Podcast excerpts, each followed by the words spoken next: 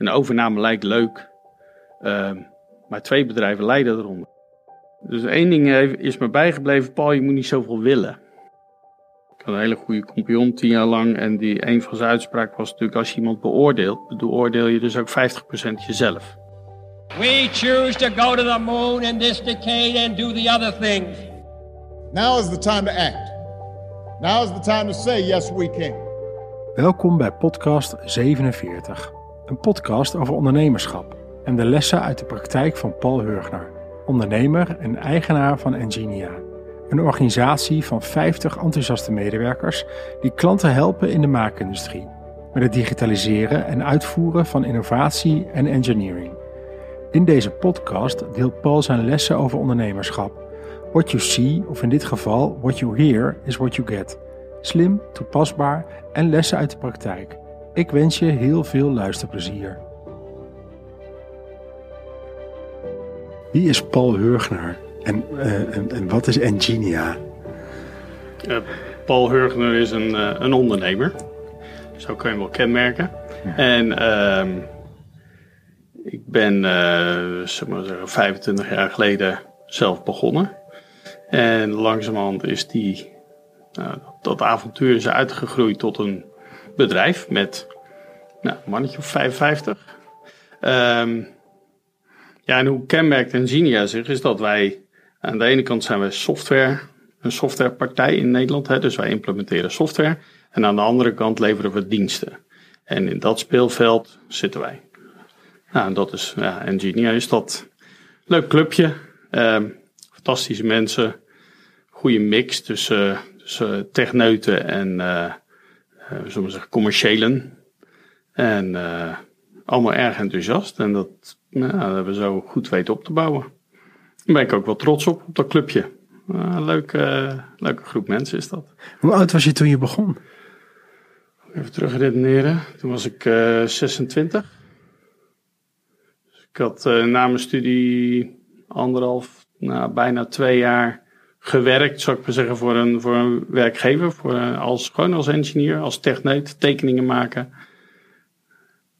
En ik ben ooit begonnen omdat ik dacht, nou, ik kan twee dingen doen. Eén, ik kan carrière maken en dan moet ik naar een groot bedrijf. Of ik kan meteen alles skippen en dan word ik directeur. En dan richt ik gewoon mijn eigen bedrijf op. En dan ben ik in één keer directeur. Heb ik ook niet meer dat gezeur over politiek en over spelletjes en hoe kom ik hoger op. Dan ben ik in één keer meteen daar. En dat heet nu ZZP'er. En toen heette dat uh, eenmanszaak of zo. Hè? Uh, freelancer, maar dat was ik niet echt.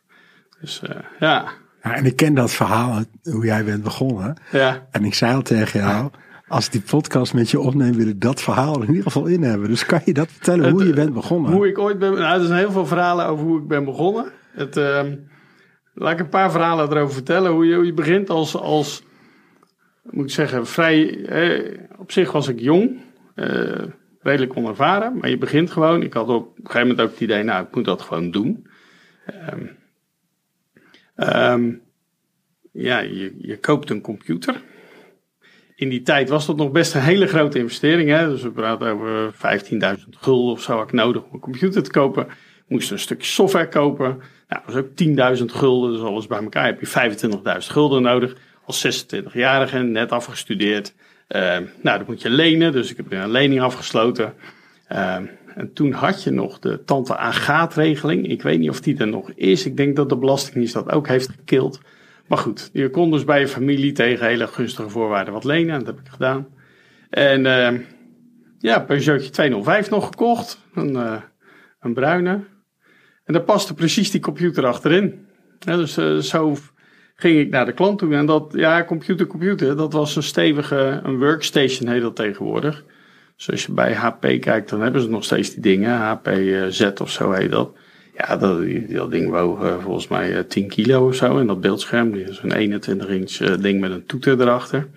Dus dat was ook uh, 15 kilo. En dat ging precies achter de achterbank van mijn 205.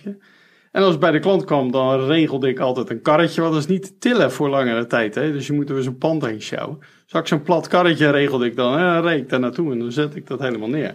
En aan het eind van de dag brak ik het weer af. reed de hele zaak weer naar dat autootje.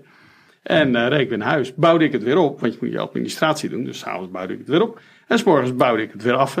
Nou, zo is dat een jaar doorgegaan, twee jaar. En op een gegeven moment, uh, gelukkig, tegenwoordig hebben we laptops. Dus datzelfde ding wat 25 kilo totaal was, dat heb je nu in uh, een kilootje of drie, vier, weet je, in een tasje bij je.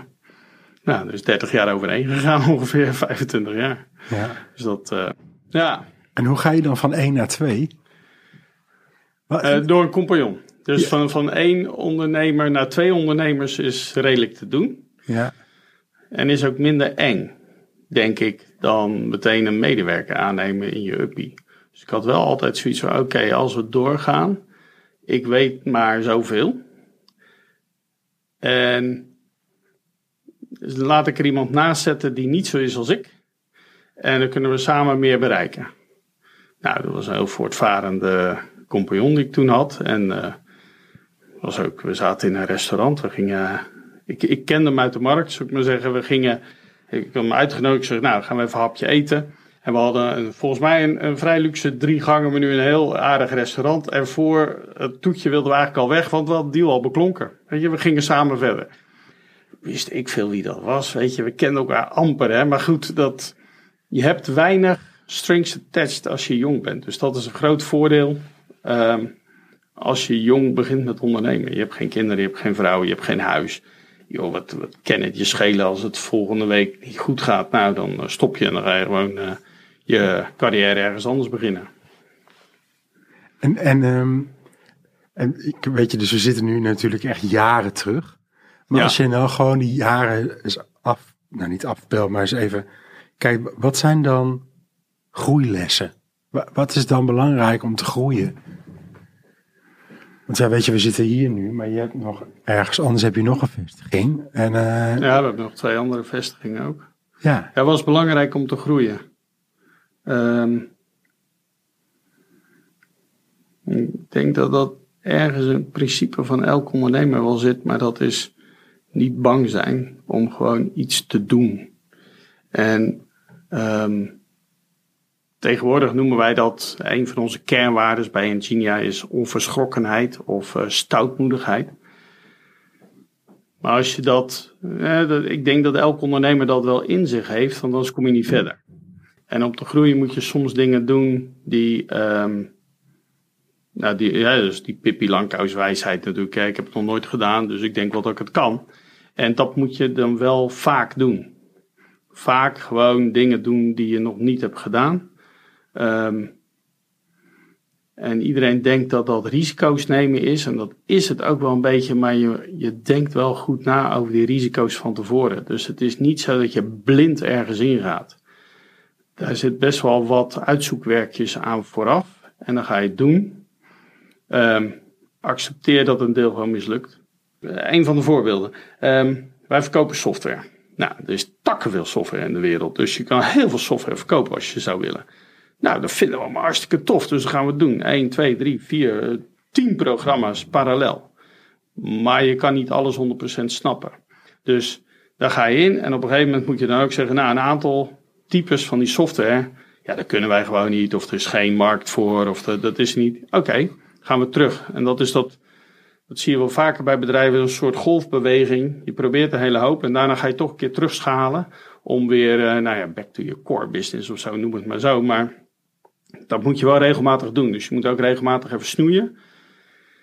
Dat zijn, ja, als je software weghaalt bij techneuten, zijn dat pijnlijke momenten. Als je mensen moet ontslaan, zijn dat pijnlijke momenten. Maar daar moet je doorheen. Um, en een ander ding is, als je wil groeien, zal je door de crisis heen moeten. Dus als het He, er zijn een aantal elementen die, ik daar wel, die, die wel interessant zijn. Eén is, um, dus de stelling is bijvoorbeeld, je leert elkaar pas goed kennen als het crisis is. En dat is niet waar voor ondernemers met elkaar, niet waar voor compagnons. Dat is pas waar, je leert elkaar pas echt kennen als er geld te veel is. Als er crisis is, wil je allebei inzetten om er doorheen te gaan. Als er veel geld is, dan krijg je discussies over hoe je het moet besteden. En dat zijn hele vervelende discussies van je hebt allebei mogelijkheden en je wil wat. En uh, er is geen beperking meer. Terwijl als er crisis is, is er beperking. Want als je iets niet goed doet of als je iets, iets wil, dan moet het meteen wat opleveren. Dus het is heel scherp zeilen. Um, dus dat is de ene kant. De andere kant is een crisis. Je moet het bedrijf door de crisis loodsen, anders ben je weg. Dus je hebt de verplichting om het goed te doen tijdens de, de crisis. En daar heb je heel veel aandacht voor nodig. Die, mo die momenten moet je er wel heel erg zijn. Um, dus we hebben, we hebben, ik ben in 97 begonnen. In 2001 uh, ging Nina Brink naar de beurs en de dag daarna was het hommeles. Um, nou, we hebben natuurlijk in 2009, 2010 hebben we ook een crisis gehad. Um, we hebben corona natuurlijk uh, een, twee jaar geleden gehad. Dat zijn, um, ja, dat zijn momenten waarop je even heel duidelijk en heel actief met je bedrijf bezig moet. En veel dichter naar je mensen toe moet dan als het goed gaat. Ja, want dat is mijn vraag. Wat ga je dan doen? dichter naar je mensen toe. Dus um, het meest recente voorbeeld corona. Het eerste wat we hebben gedaan is uh, bijna dagelijks uh, teamsmeetings georganiseerd. S morgens. En ik denk dat uh, meer bedrijven gedaan. Maar dat is wel de manier om bij je mensen te blijven als je ze niet ziet. Ik zie nu ook mijn mensen niet zo heel vaak. Maar het loopt allemaal goed. Dus ik, ik kan het leiden om een paar weken later pas contact op te nemen en zeggen: Kom, we gaan nog eens eventjes uh, bij elkaar zitten en dan, dan los je het wel weer op. Maar als de shit de fan hits, dan moet je dagelijks erbij zijn. Um, een van de dingen die ik ook heb geleerd is: als je mensen gaat ontslaan, en dat moet je af en toe als ondernemer, omdat het even niet goed gaat, om, je zit in een crisis of je hebt iets uh, zo fout beoordeeld dat, het, ja, dat je echt even moet snijden. Dan gaat het in eerste instantie om de mensen die weg uh, moeten, zou ik maar even zeggen, dus waar je afscheid van neemt. Maar kort daarna gaat het eigenlijk alleen maar om de mensen die blijven. En die mensen die blijven, die moet je perspectief geven en daar moet je dichtbij zijn, want die zijn ook in verwarring. En die moet je dus helpen om weer te zeggen: oké, nee, met deze club gaan we het doen. en uh, hier gaan we gewoon de komende jaren mee door. Dus je, je, moet even de onrust wegnemen. Gaan we meerdere keren ontslaan. Dat is een. Ik zal niemand aanraden om dat te doen. Hè. Dus snij de eerste keer altijd zo diep dat je niet twee keer hoeft te snijden. Ja. Um, en bouw het weer op. En dan zal je zien dat dat, nou, op een gegeven moment keert de rust terug en dan gaat iedereen werken. En dan, omdat je wat ruimte hebt gecreëerd, uh, ontstaat er van alles en dan gaat het opeens weer uh, helemaal goed. Ja, dus, dus ik hoor je een paar dingen zeggen. Hè? Dus als ik het mag samenvatten, mm -hmm. dan mhm. is het zeg maar, als eerste gaat het over steeds groot blijven gokken. Als een professionele gokker. Ik weet niet of risico's nemen gokken is. Het is niet gokken. Ik denk dat de professionele gokker ook professionele het is risico's Ja, maar bij gokken zit er altijd een... Zeggen, bij gokken in een casino weet je dat je altijd in die end verliest. Um, als je gaat gokken in het bedrijfsleven wil je dat je toch wel boven de 50% kans van slagen zit. Ja. Je gaat niet onder de 50% kans iets doen tenzij het nou zo waanzinnig, de uitkomst zo waanzinnig is en je kan het leiden. Ja. Dan ga je het doen. Maar de uitkomst moet voor 70, 80 procent wel zeker zijn dat daar wat uitkomt. Ja. Ja. En dat is het gokpaleis natuurlijk niet. Dan dat weet is iets meer dan een educated... 49% kans hebt in die end. En dat je altijd verliest. Ja, ja, ja, ja. oké, maar daar waar ik. Dus... dus het is een educated guess. Ja. En dat educated is heel belangrijk. Ja, en, en ik kan, kan me voorstellen dat jij nu, waar je toen een lening afsloot van 25.000 mm -hmm. uh, gulden, omdat je zo'n groot bedrijf hebt, als je nu op jarenbasis investeringen doet van 25.000 uh, uh, gulden, of laten we zeggen euro's, dat, dat doe je regelmatig nu. Ja, en dat um, op een gegeven moment ga je, ja, dat, dat klopt ook wel. Hè? Dus in, in het begin, mijn eerste factuur, ik weet niet of jij dat nog weet, maar je eerste factuur die je stuurt, is groter dan het salaris wat je ooit hebt gehad in een maand. Ja. En dan denk je, fuck, oh, dat mag ik niet zeggen in de podcast. Dan denk je, wow. Dat snijden we eruit. Dat snijden we eruit. dan denk je, wow, dit is echt. En dat is alleen maar voor een paar dagen. Nou ga ik meerdere dagen werken, krijg ik heel veel geld binnen. Dus dat is het eerste wat je moet overkomen is, oké, okay, je krijgt dus heel veel geld. Maar van dat heel veel geld gaat er ook heel veel meteen weg. Want blijkbaar zijn er allerlei mensen die op dat moment allemaal geld van je willen. Inclusief natuurlijk onze befaamde vrienden van de blauwe envelop. Ehm, maar ook heel veel kosten die je gewoon dagelijks moet maken. Het autootje moet rijden, dingetje. Ehm, dus ja, als we nu 25.000 euro uitgeven, dan is het nog steeds een groot bedrag. Hè? Want het is, uh, nou, zullen we zeggen, uh, vijf tot tien keer zoveel dan wat, wat iemand maandelijks uh, binnenhaalt. Dus je kijkt er nog steeds wel goed naar. Voor een paar duizend euro zeggen we al snel, oké, oké, oké, dat, dat gaat wel goed. En als je tonnen gaat uitgeven, dat betekent dat je. Uh, je kan dat maar één keer doen. Hè? We, zitten omzet nu van uh, 8 miljoen. Dat betekent dat 25.000 euro kan ik waarschijnlijk een paar keer per jaar wel uitgeven. Dus als ik het weer mis doe, kan ik het nog een keer doen. Als ik een paar ton ga uitgeven, dan kan ik eigenlijk niet meer dan één keer per jaar doen. Dus als ik dan mis zit, dan zit ik goed mis. En dan moet ik heel lang wachten. Ja. Totdat je dat weer opnieuw kan doen. Dus daar moet je extra over nadenken. En een van de dingen die je goed moet doen is al je advies organiseren. Dus als ik nog een advies erbij mag geven is... Um, met die lening van die, die voor mijn autootje en voor mijn computertje van tante Agaat, zal ik maar even noemen, maar ze heet anders, hè, maar laten we het even tante Agaat noemen. Die tante Agaat die kwam bij mij en die zegt, ja Paul, je mag best wel geld hebben. En dat was maar een klein deeltje van die 25.000. Maar daarvoor moet je wel uh, uh, Jan als uh, adviseur nemen. Want Jan is een goede vriend van mij en die, die is directeur bij een heel groot IT-bedrijf geweest. En die is vervroegd met pensioen. Hè? Die, maar die weet wel wat. nou, goud. Dus je hebt een adviseur nodig die heel erg betrokken is bij je. Hè? We hadden het grote voordeel, hij rekende niks. Want als er crisis is, heb je. De, we hebben momenten gehad dat Jan zei. Je, Paul, heb je nog geld om naar mij toe te rijden? In de buurt van Utrecht. Anders kom ik naar jou toe. Nee, nee, dat gaat nog net. We hadden een survival window van zeg maar een week. Dus we haalden net volgende week. En dan, zouden, waren we virtueel failliet. Nou, dan ga je elke week opschuiven. Met, met Jan gingen we elke week bij elkaar. En elke week konden we net naar, naar Utrecht rijden. En dan was het geld eigenlijk op. En uh, oké, en op een gegeven moment zie je dat dat dan twee weken wordt. Oké, okay, twee, weken, twee weken geld. En op een gegeven moment een maand. Uh, twee maanden, oké. We hebben een half jaar, nu zouden we iemand aan kunnen nemen. Dus na een half jaar kan je dan ontslaan, geven we een half jaar contract. Als, we dan, dan maak je, als je dan een fout maakt, dan ben je net niet failliet. Um, en je hebt wel wat gedaan. Nou, dus dat, maar een adviseur van buitenaf, iemand met ervaring, um, ja, dat is goud waard, zeg maar. Moet je echt hebben. Ja. Um, dat is niet makkelijk hè, voor adviseurs, want je moet je ervaring terugschalen naar wat kan een ondernemer. We hadden wij twee of drie medewerkers of zo. En hij kwam bij uh, tienduizenden medewerkers vandaan. Dus, maar de principes zijn allemaal hetzelfde. En de snelheid van implementeren is natuurlijk veel hoger in een uh, heel klein bedrijf. Dus je kan het zo doen, een beetje houtje touwtje, maar je kan het wel doen. De principes zijn hetzelfde. Dus principes van forecasting. Je moet iets gaan voorspellen. Hè? Hoe doe je dat?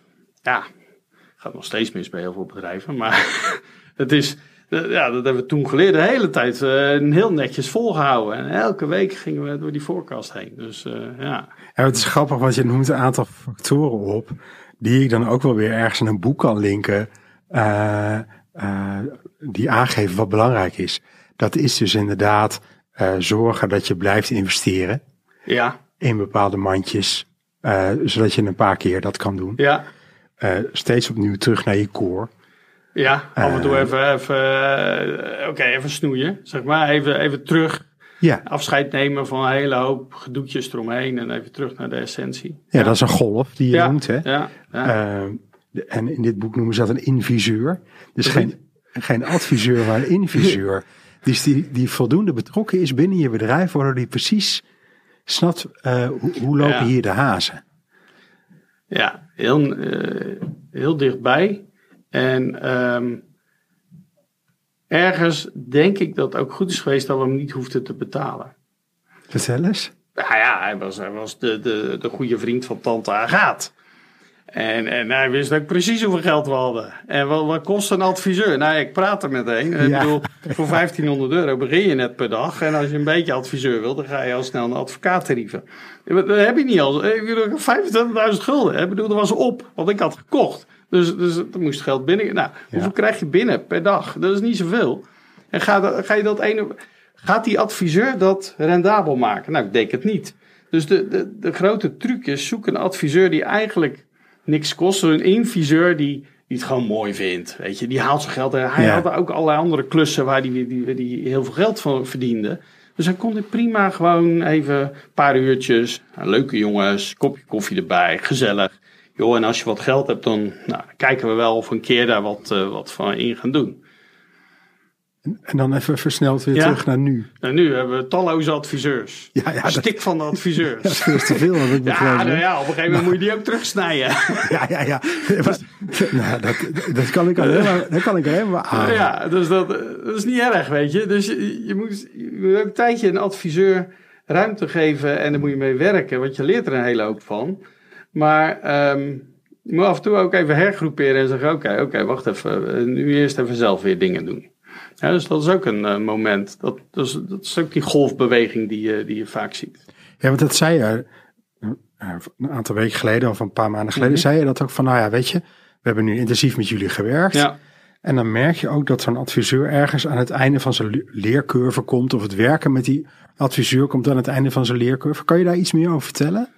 Eh, Je, je, je ga, ja, want, nou, laat ik terug, terug En op Jan. gewoon over het voorbeeld ook Ja, over wat wij over doen. ons, hè? maar dat Weet is je? één op één elke adviseur. Hè? Dus je, je, je, ehm, als er een goede klik is, heb je blijkbaar een probleem.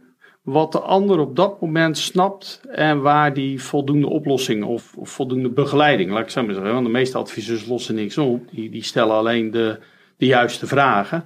En door je eigen huiswerk los je het zelf op vinden we aan het eind altijd dat we zeggen, wat heeft iemand nou ingebracht? Hè? Maar goed, dat is het principe van consultancy of advies.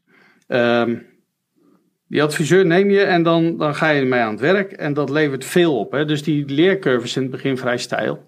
En op een gegeven moment kom je in een soort productiefase. Dan zeg je, oké, oké, oké, ja, nu moet je er wel bij blijven, want dat is, dat is tricky. Hè? Te vroeg stoppen betekent geen eh resultaat. Want dan heb je wel iets geleerd, maar het is nog niet verankerd. En er zit een, dat is het moeilijkste moment, is dat, dat je in dat adviestraject op een gegeven moment zegt, ja, ja, nu is het wel verankerd.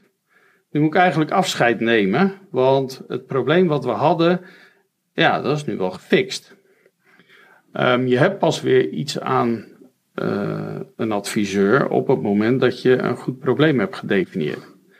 En want anders ga je ze lopen zoeken. En dat is, nou, misschien niet zo, moet ik la- langer over nadenken, maar ik denk niet dat dat goed is. Ehm want de problemen dienen zich vanzelf wel aan. Weet je? Ja, maar dat is natuurlijk ook. Dus op een gegeven moment is de relatie goed. Anders zou ik nu ook niet met jou hier aan deze tafel Nee, staan. dat is, ja. En, de, en dan is die relatie goed en dan werkt dat lekker. En dan denk je, oh ja, laten we dit, laten we dit ook nog doen of zo. En dat vind ik, dan, dan kom je ergens op een hellend vlak. Dat is een heel tricky moment. Dus daar, Ja. daar kregen wij ook zeg maar een discussie over met z'n tweeën. Maar daar heb ik sommige adviseurs ehm, verdwijnen als vanzelf. Dus, dus Jan heeft op een gegeven moment, eh, wordt ouder, weet je, dus gaat helemaal aan het werkende leven, eh, het bedrijf groeit. En het, misschien is het een mooi moment, maar sommige adviseurs gaan dan mij om advies vragen. Dus dan is het opeens, joh Paul, hoe zit dat eigenlijk met dat en dat? En denk ik, oké, ehm, helemaal geweldig, prima. Ik bedoel, eh, ik ben geen adviseur, dus ik reken daar niks voor. En dan geef ik eh, gratis advies. Maar denk oké, we zitten nu op een moment waarop de ander eigenlijk weinig meer kan toevoegen. Omdat ik op een niveau zit waar hij mij iets gaat vragen. Dat is helemaal niet erg. Maar dat is wel een moment waarop ik dacht, oké, ja, als we nu een volgende stap willen maken, dan moet ik iemand anders hebben. En de persoon moet ook een beetje bij je passen in zeggen, leeftijdscategorie. En hè, dus door de jaren heen kan ik ook nog wat over zeggen. Ehm, je begint in je twintigers. Nou, dan ben je zo'n bleu als een tientje. Maar goed, alles kan, want je hebt no strings attached. Dan kom je in die dertig jaren en dan wil je heel veel leren. Dus dan, dat is eigenlijk de periode waarin je ehm, het meeste ook kan leren. Want de zaak is nog niet zo groot dat het helemaal eh, dramatisch kan gaan. Ehm, maar je zit er wel vol in. Dus alle prikkels komen op je af en eh, alle problemen dienen zich aan en kan je heel veel leren. En dan van 40 tot 50 zie ik heel vaak, zie ik ook bij, bij collega-ondernemers, dat is, eh, dan wil je te veel. Want dan denk je, ja, nu heb ik het geleerd, nou ben ik, nou, nou weet ik het, hè. En dan gaan we het ook eens even doen ook. Dus we gaan alles doen. Dat was ook de periode waarin Enginia als een jekko is gegroeid. Maar dat gaat, laat ik zeggen, het gaat de kosten van je eigen energie. Het is het allerfijnst als het thuisfront dat even accepteert. Ehm, hè, in, in, in mijn zin, ehm, ik meldde thuis dat ik een bedrijf in Engelo had overgenomen. En mijn vrouw zei, oh, moet je dat niet vragen aan mij? Ik zei, nou, ik zou niet weten waarom. Ik zit wel even drie dagen per week de komende halve jaar in Hengelo. Hè? Dat is wel even. Dus uh, oké, en de kinderen dan? Ja, uh, nou ja, ja, dit hoort er gewoon bij. Nou, gelukkig. Tegelijkertijd denk je ook wel, oeh. Nou ja, oké. Als, als man denk ik, nou, wat was de andere uitkomst dan geweest? Als het geen andere uitkomst kunnen zijn dan, ja, we doen het. Hoogstens, je weet het ietsje eerder, je hebt het idee als vrouw dat je hebt mogen meebeslissen. Ik vind het allemaal prima, dus de volgende keer heb ik het ietsje eerder verteld. Ja, bij de volgende overname zei ik, nou, we zijn, ik ben voornemens om dat te doen. Oh, ja. oh, dus hetzelfde riedeltje gaat gebeuren. Ja, we weten waarin we stappen. Oké, oké. Ben je weer kwijt voor een half jaar? Ja, minimaal. Maak er maar een jaar van. Oké. Nou, als het thuisfront goed is, dan kan je, dat, uh, kan je dat goed fixen. En dan kan je heel snel groeien. Maar het gaat wel ten koste natuurlijk. Hè. Je, anderen moeten meebetalen. In energie en in aandacht en in, uh, in hun persoonlijke groei. Uh, ja, bij me thuis heb ik dat gefixt doordat mijn vrouw op een gegeven moment zei, ja, en nu ik. Dus ik ga een opleiding doen. Zo, oké. Dan ga ik voor twee jaar ga ik minder, ietsje minder hard werken. Want als ondernemer kan je niet minder hard werken, maar je doet net alsof. En je fixt zeg maar wat zij laat liggen. En dan ga je dat oppakken. Omdat zij zich ook moet ontwikkelen. En hetzelfde geldt voor het bedrijf. Het bedrijf leidt ook onder dat soort fratsen. Een overname lijkt leuk. Uh, maar twee bedrijven lijden eronder. Het overnemende bedrijf leidt eronder omdat ze opeens veel meer inspanning moeten doen. Want zij zijn de kopende partij. Ja, ze moeten alles uitleggen wat zij willen. Want zij vinden zich ook de bovenliggende partij dan. Um, en heb je de gekochte partij. Ja, die wil zich even manmoedig stand houden. En uh, die moet het ook allemaal maar zien. En die krijgt heel veel verandering voor ze kiezen. En dat is allemaal niet, niet heel, fijn. Dus um, ja, dat kost veel energie van iedereen. Maar dat is omdat die ondernemer wat wil. Die zit in zijn veertigers. En ik zet er altijd een kruisje achter, zeg maar. Dus dat is een veertiger met een kruisje achter zijn naam. Die, die, ze, we lenen te veel dan, we, we, we werken dag en nacht, uh, dus niks te gek. Weet je, afstand is geen issue. We vliegen er naartoe, we rijden er naartoe, maken dan ja, hotels, dat soort dingen. En, en nou ja, als je een beetje richting de 50 komt en richting de 60 gaat, denk je, ja, oké. Okay. Het zou wel mooi zijn als anderen het doen voor mij. Hoe ga ik dat organiseren? Ja, kom je nu in die fase? Ja, dan kom je in die fase. Je wil, ja. um, ik weet niet of je dat legacy wil noemen, maar weet je, als ik stop, zou het bedrijf niet moeten stoppen. Dat is het principe van een, van een bedrijf ten opzichte van een ZZP'er.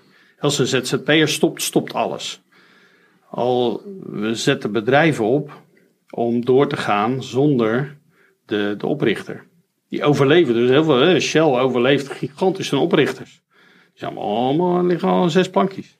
En um, dus het bedrijf is een entiteit wat heel lang voort. Nou, dat moet je wel organiseren. Het is niet dat dat als vanzelf ontstaat. En hoe meer invloed je hebt als ondernemer, hoe trickier het is als je stopt. Dus je moet steeds minder invloed gaan krijgen. Nou, dat is heel moeilijk, want je wil natuurlijk als ondernemer. Ja, ja. Alle, iedereen moet doen wat ik zeg. Dat is een beetje. Maar dat moet niet. Ja. Anderen moeten gaan doen.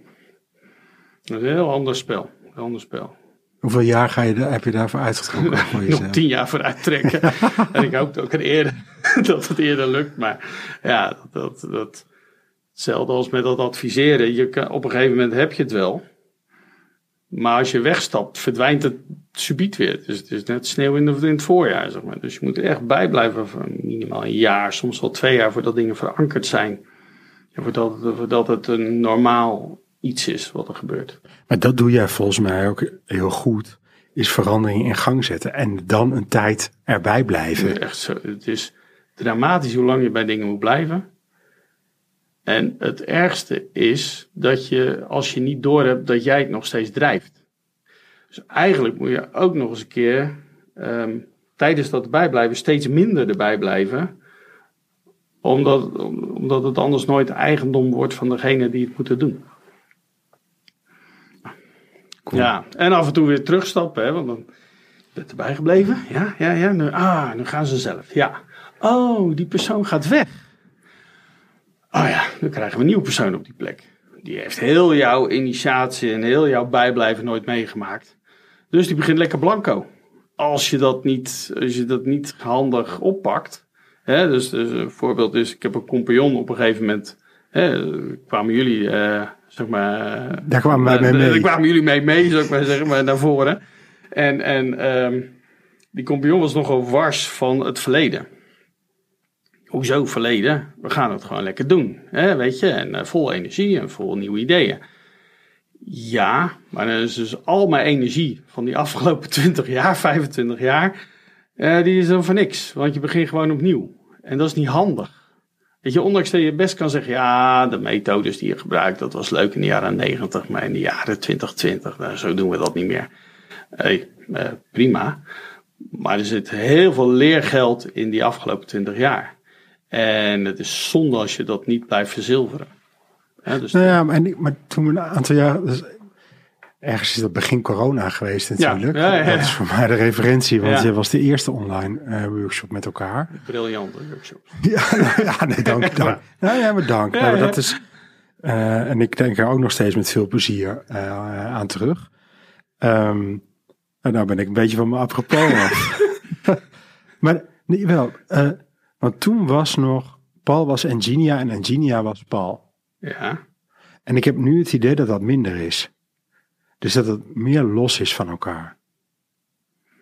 Maar ik Ja, weet niet hoe jij, dat, hoe jij dat ervaart. Dat is natuurlijk de eerste vraag. Ervaar je dat ook zo? En, en tweede, hoe heb, hoe heb je dat gefixt?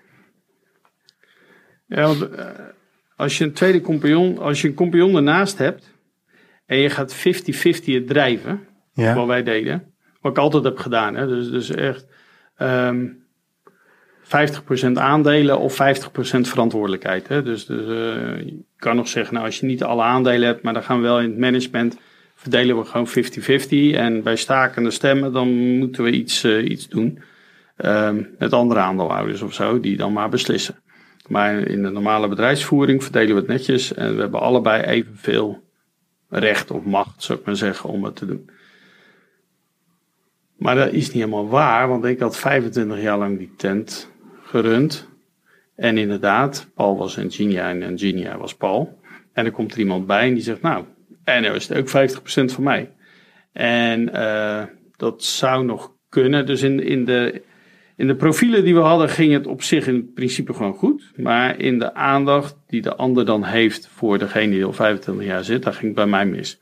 Nou, dat is helemaal niet erg, weet je. Dat, eh, we hebben afscheid van elkaar genomen. Maar doordat, doordat, ik, het, doordat ik hem niet toeliet, denk ik ook dat ik heb gedacht, oh, hoe ga ik dat nu dus wel doen? En degene die nu de business meer drijven, dat zijn mensen die hier al vijf tot tien jaar werken. Dus daar hoef ik ook heel veel dingen niet in uit te leggen, dat is één ding. Ze doen het al in de richting die ik ooit heb gedaan. En daar gaat het erom, kan ik ze nog verder omhoog trekken om te zorgen dat ze helemaal mijn plek overnemen. Waarbij zij natuurlijk zich afvragen, en wat ga jij dan doen Paul? Nou, ik heb genoeg andere dingen te doen. dus ehm, nou daar zit je natuurlijk nu in, om dat ook weer vast te houden. je moet ze omhoog blijven trekken, want anders als je het loslaat, dan is dat het niveau Ja. wat ze halen. En eigenlijk wil je, wil je nog hoger. Dus we willen vanuit een MT willen we nu een directie gaan vormen. En vanuit een directie moet je zeggen, oké, nou hoe gaat zich dat dan nog ontwikkelen? En eh, wat is mijn rol dan nog? Prima, daar kunnen we het over hebben. Maar ehm, er zijn talloze rollen die ik nog op me kan nemen. En, maar dan moeten zij ook het gezicht naar buiten toe worden. En dat doe je door voortdurend te zeggen: Oké, moet ik dit nog doen? Ja. Da- vaak zijn er klanten die natuurlijk wel aan je. Ja, jij bent de directeur, dus ik wil zaken met je doen. Ja, Ja, oké. Het principe is dan: moet ik een andere directeur neerzetten? Dus die, die rol doe je eigenlijk zaken mee, niet met mij. En. er is een andere adviseur geweest, een hele bijzondere adviseur, maar goed. ehm, dus één ding is me bijgebleven, Paul, je moet niet zoveel willen. En dat, ik snapte dat dan helemaal niet, want ik was natuurlijk een 40 met een kruisje achter me aan. Ik wilde de wereld, weet je, ik wilde alles. Dus eh, ja, eh, hoezo niet zoveel willen? Ik wilde in mijn bedrijf, dus we gaan het doen. Ja, je moet meer zien. Ja, hoezo meer zien? Ik moet helemaal niks zien, ze moeten doen wat ik zeg.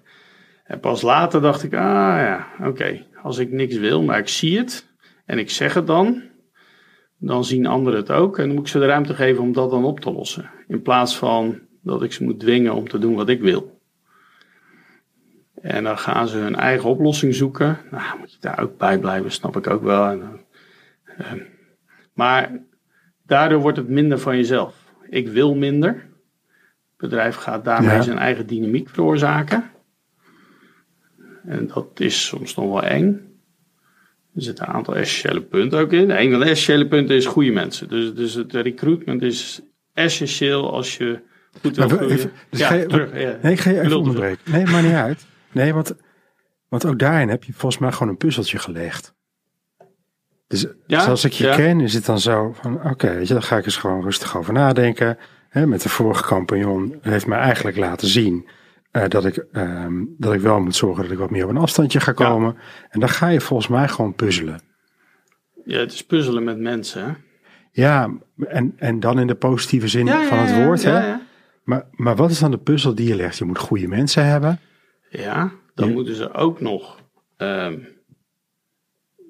eh, eh, hoe moet ik zeggen? Ze moeten het goede begrijpen op het goede moment. Dus je kan een heel goed persoon hebben, maar als hij nog iets moet leren, dan moet je nog een jaar wachten of twee jaar wachten. Is hij er nog niet. Ehm, dan moet de puzzel nog vallen. Wie dan samen? En dan heb je nog iets van, ja, nu is het een goed team. Maar als ik het een stapje omhoog haal, eh, kunnen ze dan nog steeds. Dus ieder mens, ook ik, heb een bepaalde, eh, een bepaald plafond wat hij nog kan snappen of wat hij nog kan doen. Eh, wat zijn span of control is of wat zijn. En eh, een beetje de Peter Principle. Iedereen zit altijd één, één functie hoger dan dat hij goed kan. Ja, Dilbert Principle ook wel bekend. Hè? Ja, ja. nou, eh, eigenlijk wil je dat niet. Want om een, een bedrijf te laten floreren, moeten de mensen zitten op de plek waar ze wel goed eh, presteren. En de puzzel is natuurlijk, als ik hem een stapje omhoog laat doen, gaat hij dat dan nog steeds goed doen? Zit hij nog niet te hoog?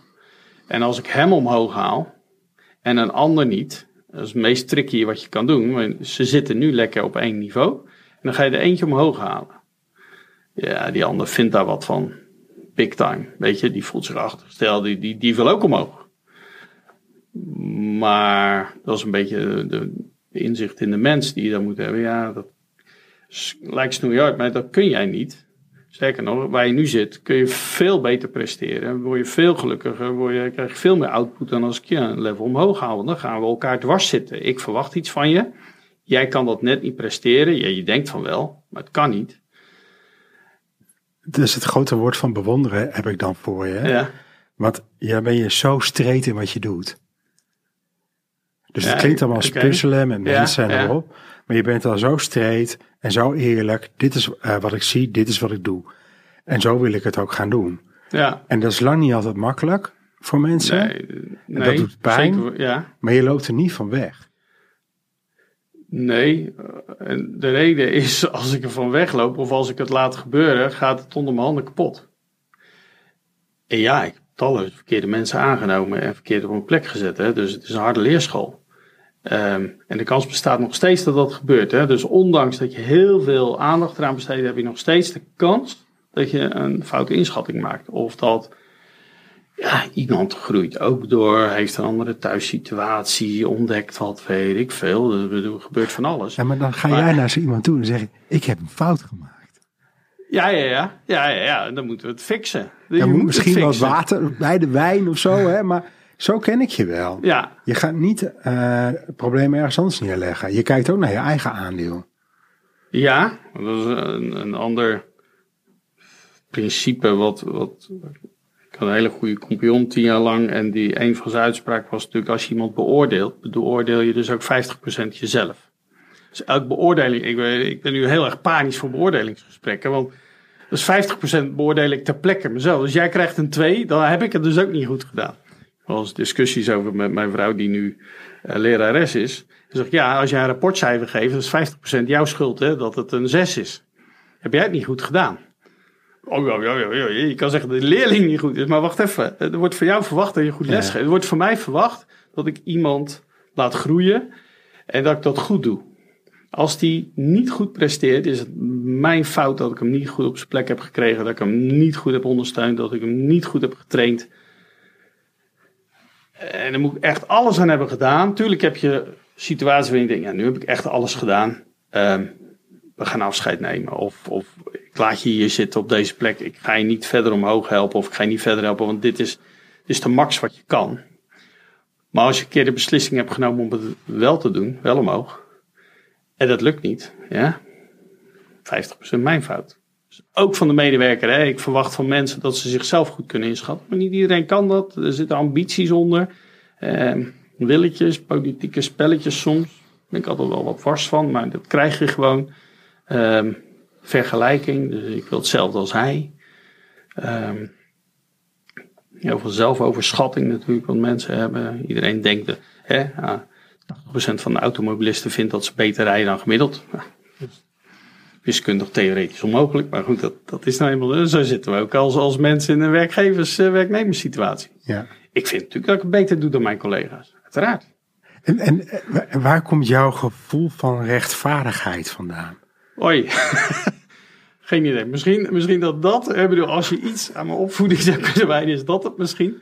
dus, uh, dus, uh, dat je die wel of niet hebt gekregen? Ja, die heb ik wel gekregen. De, de rechtvaardigheid, de rechtvaardigheid zit in, in het, um, in het protestants geloof, zou ik maar zeggen. Dus ja. um, uh, ik geloof niet, niet meer, zeg maar. Dus ik ben, behoorlijke atheïst. Um, maar in de hele opvoeding zat dat erin. Hè? Dus, dus ik, ik, weet niet. Dat, zelfs mijn oma, zal ik die maar erbij halen. Um, in die tijd had je de verzuiling nog ook in middenstand. Dus je had een, een katholieke bakker en een protestantse bakker. En mijn oma kocht de ene week bij de protestantse en de andere week bij de katholieke bakker. En, en die voorbeelden leven in mijn familie en ik vind dat helemaal niet vreemd. En zo doe je dat. Je, um, dus je probeert het zo goed mogelijk voor iedereen te doen. En die rechtvaardigheid, die moet je wel, wel hebben. De andere kant is, ja, uiteindelijk kan het zo zijn dat de katholieke bakker toch lekkere broodjes bakt. Ja, dan is het heel moeilijk om als protestant natuurlijk bij katholiek te kopen. Maar goed, het is... Uh, ja, ja, ja, ja. ja. ja maar die, die, rechtvaardigheid zit wel in die, uh, denk ik, daarin. Ja, ben je zo, want ik, ben je een open boek? Dat is een retorische vraag. Je kan er eigenlijk alleen maar ja op zeggen. Want wat ook wel eens tegen mij wordt gezegd, ja, dat is Paul. Weet je, dan hoe je af en toe dingen, dan denk je echt, oh god, doe rustig. En dan, ja, ja, dat is Paul. Ja, ik, ik heb geaccepteerd dat ik een bepaalde klunzigheid heb in het, um, in het overbrengen van zaken. En ik heb ook geaccepteerd dat ik dat soms moet fixen. Weet je, dus ja, ik snap dat ik soms dingen niet handig. Ik ben niet zo, ik ben geen diplomaat. Echt niet. Um, uh, dus, een groot verschil tussen hoe je, hoe je beslissingen aanvliegt. Hè, kan, je, kan zijn, nou, ik ga eerst met iedereen even praten. En dan als iedereen het ermee eens is, dan gooi je het in de vergadering. En hoezee, iedereen is het ermee eens. En ik ben meer zo van, ja, hoezo, uh, we, we leggen de shit op tafel, gaan met z'n allen lekker erin zitten roeren. En er komt van alles uit. En ik zeg er van alles over. En uh, daarmee krenk ik soms ook wel mensen. Hè? Dus dat, dat um, ik ben niet zo heel ja, gevoelig. Ik snap dat op dat moment dat ik het doe, denk ik, ah ja, shit, daar moet ik direct nog even, uh, even aandacht aan besteden. En dan kijk ik hoe zich dat ontwikkelt. Sommige mensen zijn prima in staat om mijn on, onbehouwenheid zeg maar, te, te accepteren. Dan denk ik, oké, okay, nou ja, helemaal, dankjewel. Um, en sommigen zijn er niet zo goed toe in staat. Ja, dan moet ik... Dan moet ik even een telefoontje, een weekje daarna. Oké, okay, hoe sta je er nu? Oké, okay, oké, oké. Niet zo bedoeld. Ja. Er zit een en, en wat ik hoor is dat je steeds groeit ook met de juiste mensen om je heen. Met ja. compagnons, met adviseurs en ook gewoon met de mensen met wie je samenwerkt. Ja. En, en dan is het, wat ik ook hoor, is dat je niet vaststaande principes hebt die al 30 jaar hetzelfde volgt. Op een of andere manier weet je die steeds te actualiseren naar waar je nu bent. Het is het nooit accepteren van wat we nu doen. Uh, voorbeeldje wat we nu onder andere hebben. We hebben een manier om projecten te, te leiden. Ja. En uh, een van de dingen die we dat doen is we leveren een document tijdens het project en de klant moet dat beoordelen. Dus de, wat we ooit hebben verzonnen, een paar jaar geleden, is we sturen dat document. En dan geven we de klant twee weken om het te beoordelen. Krijgen we terug met vragen. Gaan wij die vragen behandelen en verwerken in het document. Sturen we het weer op. Gaat de klant weer twee weken. Nou, werkt prima. Maar als je heel veel projecten parallel gaat draaien, is het opeens een, eh, zie ik dat als probleem. En dan denk ik, hoezo doen we er eigenlijk zes tot acht weken over om een documentje goed te keuren? Kan dat niet in een dag? Gewoon, en dat is, is het andere, hè? dus niet de status quo accepteren. Dus dit is hoe we het nu doen. Oké, per definitie kan dat onderhevig zijn aan verandering. En het tweede is, overdrijf de uitkomst. Oké? Niet, we gaan de twee weken afhalen. Ah, dat is flauw. Nee, we gaan terugbrengen naar een dag. Je kan ook zo een uur, maar goed, laten we een dag. Hè? Dan ga je van, van zes weken naar een dag. Hoezo niet? Wat moet je dan doen om het te doen? Nou, er komen opeens alle oplossingen boven tafel. Dus dat, dat zit door het hele systeem en door de hele geschiedenis zit dat heen. Elke keer weer iets verzinnen, een tijdje doen. En op het moment dat je denkt, nou, nou heb ik het, ga je zeggen, nou, volgens mij, eh, volgens mij kan het beter. Hoe kan het nu radicaal anders? Uh, en dan moet je echt radicaal iets anders doen.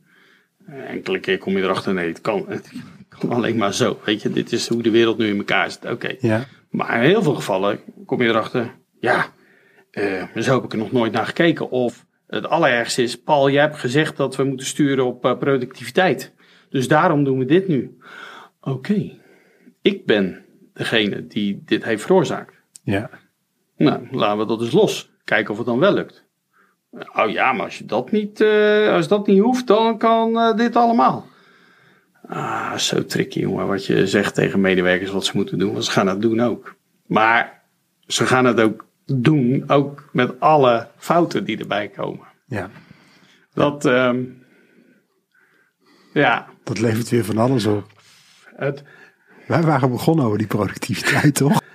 Jullie waren, nou nee, nee, wacht even. Hij is naar boven gekomen in de sessie met jullie. Je had een goede vraag gesteld. En de productiviteit was een. Is, kijk, je moet in een serviceorganisatie moet je bepaalde productiviteit halen om überhaupt ja. uh, winstgevend te zijn. Want anders dan draag je salaris weg wat, wat, ja, wat niet binnenkomt. Um, maar als je, als je. Nee, laat ik, laat ik het vatten in het volgende. Ooit heb ik geleerd dat je als manager moet je het doel stellen en je medewerker verzint het hoe. Ja, dat is bullshit. Niemand die hier werkt is namelijk opgeleid voor het werk wat hij doet. Wow, enkeling misschien. Iedereen heeft iets anders geleerd ooit. Iedereen heeft andere ervaring en die denkt, oh, dit werk wil ik wel doen, dan ga ik dat doen. Dus niemand weet hoe die iets moet doen. Ja. Dan moet ik maar erop vertrouwen dat als iemand niet weet hoe hij iets moet doen, dat hij dat onderkent bij zichzelf. Dat hij op zoektocht gaat. Als hij er echt niet uitkomt, dat hij mij zegt: Nou, ik snap niet hoe ik het moet doen. Ik wil training of ik wil begeleiding of uh, we moeten eens een brainstorm houden of weet ik wat. Hè. Er zijn allerlei oplossingen. Maar 90%, 100% van je medewerkers doet dat niet. Die zegt: Dat is de opdracht, ga ik uitvoeren. Dankjewel, baas. Ik heb tenminste werk. En uh, ik, nou, ik denk dat ik dit nu wel zo goed kan. En dat is niet waar. Dus als, als manager, als leider, als directeur, zal je moeten begrijpen hoe iets tot stand komt.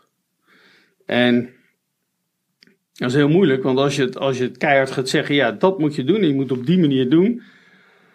Nou, dan zijn de meeste mensen tegenwoordig wel snel met je klaar. Die denken, ja, oh, oh, wat is mijn eigen vrijheid hierin? Want daarin ben je wel verrassend. Dus je bent wel verrassend in het feit dat je heel duidelijk bent, oké, okay, zo wil ik het hebben. Hè? Ja. En tegelijkertijd kijk je continu, oké, wat is hier nou nodig uh, om te bewerkstelligen wat ik wil bewerkstelligen. Dus het is niet my way or the highway. Nee, want dan, dan krijg je wat ik, wat dat zei, dan ga je dus zeggen het wat en het doel en het hoe. Ja. Ja, dan hebben mensen geen, geen enkele idee meer dat ze zelf ook nog wat inbrengen. Maar ben je, daarin en, en ben je daar niet in gegroeid? Mede op, mede op basis van de constatering, ik moet wat meer op een afstandje gaan staan? Nou, meer op. Um, ik moet zeggen, ik heb heel veel geleerd van, van een soort parallel leven wat ik, wat ik heb geleid, zeg maar, tijdens de zomer. Daar kampen heb geleid, zomerkampen. Ja. Maar hele normale zomerkampen. Normale kindjes die een weekje lekker op kamp gaan. Overdag is Paul ondernemer. Ja, en in de zomer is die, eh, is die eh, kampcoördinator, zeg maar. Nou, Ja. dus, dat is een geweldig moment, want je ziet die kinderen en die kinderen hebben een geweldige week, zeg maar. Alleen, je hebt een clubje men, vrijwilligers. De meest linker clubjes, hè, want vrijwilligers zitten er niet voor het geld. Die zitten voor hun eigen eh, leukigheid. Die hebben ook een weekje vakantie moeten nemen, weet je. Dus die offeren wat op. En als je, als je, je, bij- bij een club, je hebt wel een leider nodig. Laten we hem noemen de coördinator. Dus we zeggen niet je bent de baas, maar je moet het organiseren. Iedereen is gelijk en jij een klein beetje meer. Ehm in een hele tijd vond ik het fantastisch om directief leiding te geven. Dus, eh, dus eh, eh, Mark, jij gaat dat doen. En, jij doet dat. En jij doet dat. En jij doet dat. Zo. En mijn, mijn, mijn finest moment was ooit een keer dat we zo'n kampement gingen afbreken. En ik stond in het midden, letterlijk. En, en eh, iedereen kwam ook terug rapporteren aan mij. Dus jij bezemt die, ja, ik bezem die. eh, Met dat- een fluit zo. ja, Ja. bijna wel. Dan kwamen ze, ik ben klaar mee bezig. Prima, ga jij dat doen? Ga je de- en, en het is, nou echt waar, ik denk, wauw, dit is briljant gewoon. Ehm, wat ik wel heb geleerd, is dat kan je alleen doen in hele actieve crisissituaties of zo. Kamp afbreken is een crisissituatie, waar je moet binnen twee uur gewoon alles spik en span hebben. Dus, dus staat heel veel stress op. Maar in een, in een wat rustige situatie is het heel vervelend voor mensen, want ja, ik word voortdurend aangestuurd. Ik mag niet eens zelf denken. En ehm, dus dat, toen heb ik ook zeg maar, mijn vorm van leidinggeven een beetje aangepast en gezegd: oké, ik moet dat ook in de dagelijkse sfeer moet ik dat ook anders gaan doen. Want ja, ik ben dus voortdurend crisis aan het veroorzaken. Of net doen alsof het crisis is. Mooi. Ik hoor je dus de hele tijd spiegelen, hè? Continu om je heen kijken, wat heb ik hier te leren, wat moet ik doen, hoe kan ik dit neerzetten? Ja, ja. eh, Maar ben je wel stil? Ben ik wel stil? Is, nou, nee, maar staat het bij jou ook wel stil? Nee, nee, nee, nooit, nooit, nooit, nooit. Nee, nee, dus, dus, dus heel vervel- Ik denk dat het genetisch nu is gemanipuleerd in mijn brein. Ik denk dat ik er nooit meer vanaf kom. Maar als ik s'nachts wakker word, denk ik aan de zaak. Dat is gewoon, je wordt wakker en dan denk ik gewoon aan allerlei dingen die, die spelen. Ja. Soms val ik weer in slaap en word ik 's morgens wakker. En onder de douche denk ik weer aan de zaak. En aan allerlei dingen die moeten gebeuren. En, en mijn denken over het thuis is heel beperkt, zeg maar. Dus het gaat alleen maar over die, over die tent. Ja. En als je dat maar vaak genoeg doet, heb ik ergens ooit gehoord, dan is zijn gewoon, dan ga je, gaat je DNA zich aanpassen aan wat je doet. Dus ik denk ook niet meer dat ik er ooit vanaf kom. Het Ja. nu wel hardwired, zeg maar, in mijn brein. ja. Ehm, Dus geen, geen extra kinderen meer, want dan wordt dat DNA doorgegeven. ja, misschien wel. Ja, misschien is dat nog wel de linkerruim. Misschien zit dat er wel in. Ja, ik hoop dat ze, dat ze nu, eh, dat ze vroeg genoeg zijn geboren om dat niet te hebben. ja. Mooi. Moeten we het nog ergens over hebben? Moeten we het nog ergens over hebben? Ehm, even nadenken. Wat, is, wat, wat zou ik nog willen zeggen dan? Ik denk dat ik het meestal heb gezegd. Eh,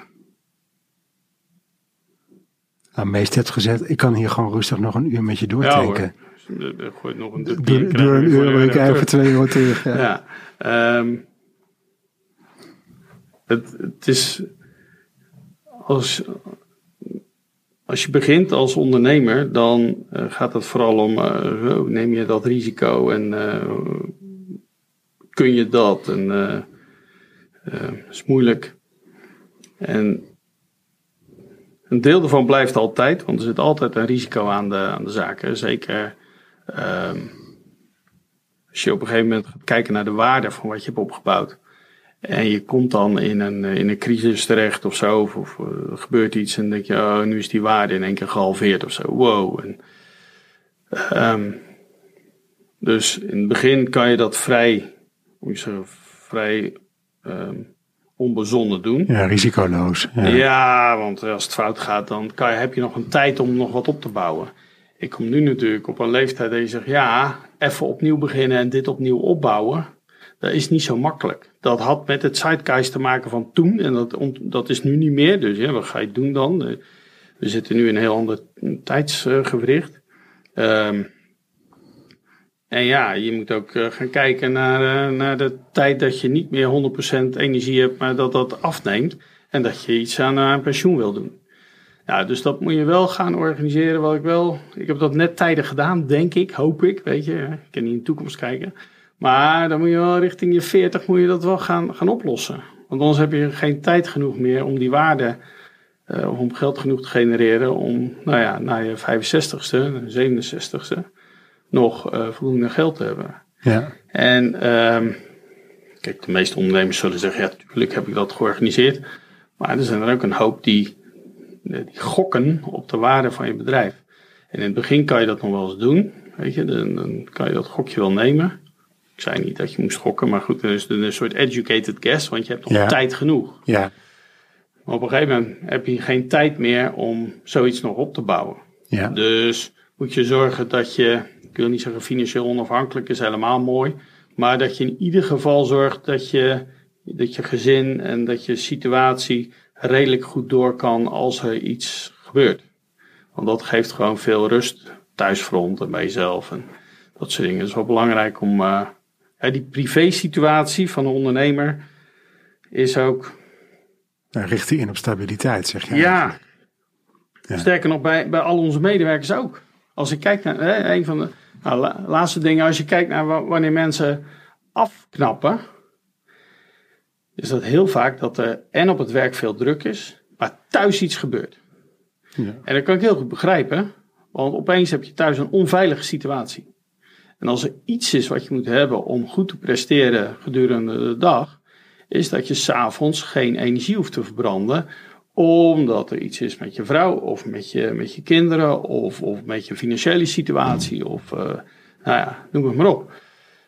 Ehm, ja, en ik heb het geluk tot nu toe gehad, zeg maar, dat dat een hele stabiele situatie is. Maar je moet daar ook wel, je moet aandacht besteden aan die stabiliteit. Niet uit het oog verliezen. Als daar wat gebeurt, dan heb je onvoldoende macht om in het dagelijks werk goed te presteren. En ehm, samengevoegd met een type dat perfectie wil. Dat ben ik niet, hè. Maar kan je heel goed op 80, 90% afhaken. Zo, nou, dit is het dan. Ik zoek er wel naar, hè. Maar mensen die willen echt tot 100% ja, die knappen dan af. Ja. Dat, is, dat is recipe voor disaster. En, en dus voor iedereen geldt, zorg dat die thuissituatie een beetje, een beetje netjes hebt. Geef af en toe aandacht aan. Het is niet erg om, om af en toe even rust te pakken. En rust in de zin van, doe iets met je, met je ouders. Of doe iets met je, met, je, met je kinderen. Of doe iets met je vrouw. En met de buren, weet ik veel. Eh, Ja, Dus maar geef aandacht aan privé. ja, ja. Ik, ik heb nog één vraag. Mijn zoon is 17. Dat is een soort van half semi-ondernemertje. Hè? Ja, ja. Wa- Wat zou je daar voor advies aan hebben? Eh, werk dag en nacht en doe het gewoon. Aan de andere kant, je bent nog te jong om, om echt knoeihard te gaan werken. Ga leren. Want eh, een van de dingen die je moet doen is heel snel kunnen leren. En ja, je krijgt voldoende nog op je pad. Maar er zit ook veel waarde in opleiding. Hè? We hebben dat niet voor niks in, in Nederland. Dus zorg dat je HBO of universiteit of weet ik een MBO gaat doen. Zorg dat je zoveel mogelijk, zo snel mogelijk leert. En ik snap dat er heel veel voorbeelden zijn van self-made men die op hun zestiende zeg maar, van school werden gekikt. En die, eh, weet ik het, Elon Musk worden of zo, of iemand anders. Ehm, maar je ziet al die honderdduizenden niet, die, die het niet hebben gehaald. Ehm, de meeste ondernemers zijn mensen die, ja, die gewoon netjes goed zijn opgeleid, de theorie snappen. En op basis van die theorie kunnen zeggen, ja, nu ga ik het helemaal anders doen. Ja, Dit is het leuk. Die theorie heb ik ook, vind ik ook. Weet je, die theorie die ik heb geleerd, dat is, onderwijzen ze nog steeds hè, op, op het HBO waar ik ooit heb gezeten. Maar is complete onzin. Dat is niet erg. Je hebt een manier geleerd. ja, Je je hebt, je hebt jezelf gedwongen om te leren om het te snappen. En dat maakt dat je dat principe van het onderzoeken en het snappen ook eh, goed kan doen. Dus ja, je kan heel ver komen, maar toch zou ik aanraden aan iedereen: doe gewoon lekker een opleiding zolang het kan. En zolang de Nederlandse staat het vergoedt. Honderdduizend kudo's, want ja, het wordt steeds het wordt ingewikkelder, hè? De maatschappij, de, de spullen die we hebben. De, jij komt hier ook, wat, wat zet je neer? Je zet een ongelooflijk ingewikkelde geluidsinstallatie neer. Die, waar niemand meer van snapt hoe die werkt. Maar iemand moet dat wel bedenken en kunnen Ja. verkopen. En zo. Daar heb je best wel een goed snappertje voor nodig om dat te doen.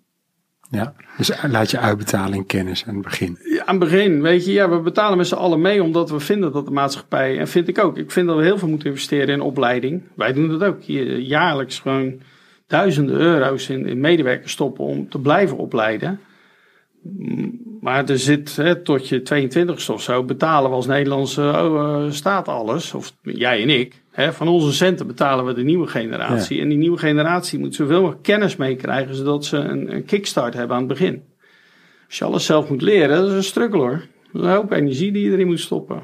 Mooi. Je hebt genoeg tijd om het nog allemaal te doen als je 17 bent. want De wereld ligt nog aan je voeten. Geniet ervan, zou je zeggen. Ja, ja, geniet nog even van het feit dat je nog, nog ehm, ehm, eh, plichtenvrij mag leren, zeg maar. Dat is toch ook, joh, studententijd is toch je mooiste tijd. Die tijd natuurlijk heel anders. Maar dat is een totaal anders verhaal, maar goed. Oké, maar dat is mijn 50 cent, zeg maar, die, die ik hem wil meegeven. Geniet er alsjeblieft van, want je krijgt nog genoeg stress en genoeg gedonder in je, je latere werkende leven. Dus eh, pak af en toe een biertje, ga lekker uit en eh, zorg dat je overdag voldoende leert. Mooi. Ja, Ik ga je bedanken voor dit gesprek. alsjeblieft. Vond het leuk. Ik ook. Ja. Zo zijn we weer aan het einde gekomen van een nieuwe podcast. Mocht je een vraag hebben naar aanleiding van de podcast of over organisatietransformatie in zijn algemeen, dan kan je mij een mail sturen op markapenstaartovertransformaties.nl. Daarnaast kan je je op de website overtransformaties.nl inschrijven voor de podcast alert. Als er dan een nieuwe podcast is uitgebracht, krijg je hiervan een bericht. Nogmaals dank voor het luisteren en wellicht tot een volgende podcast.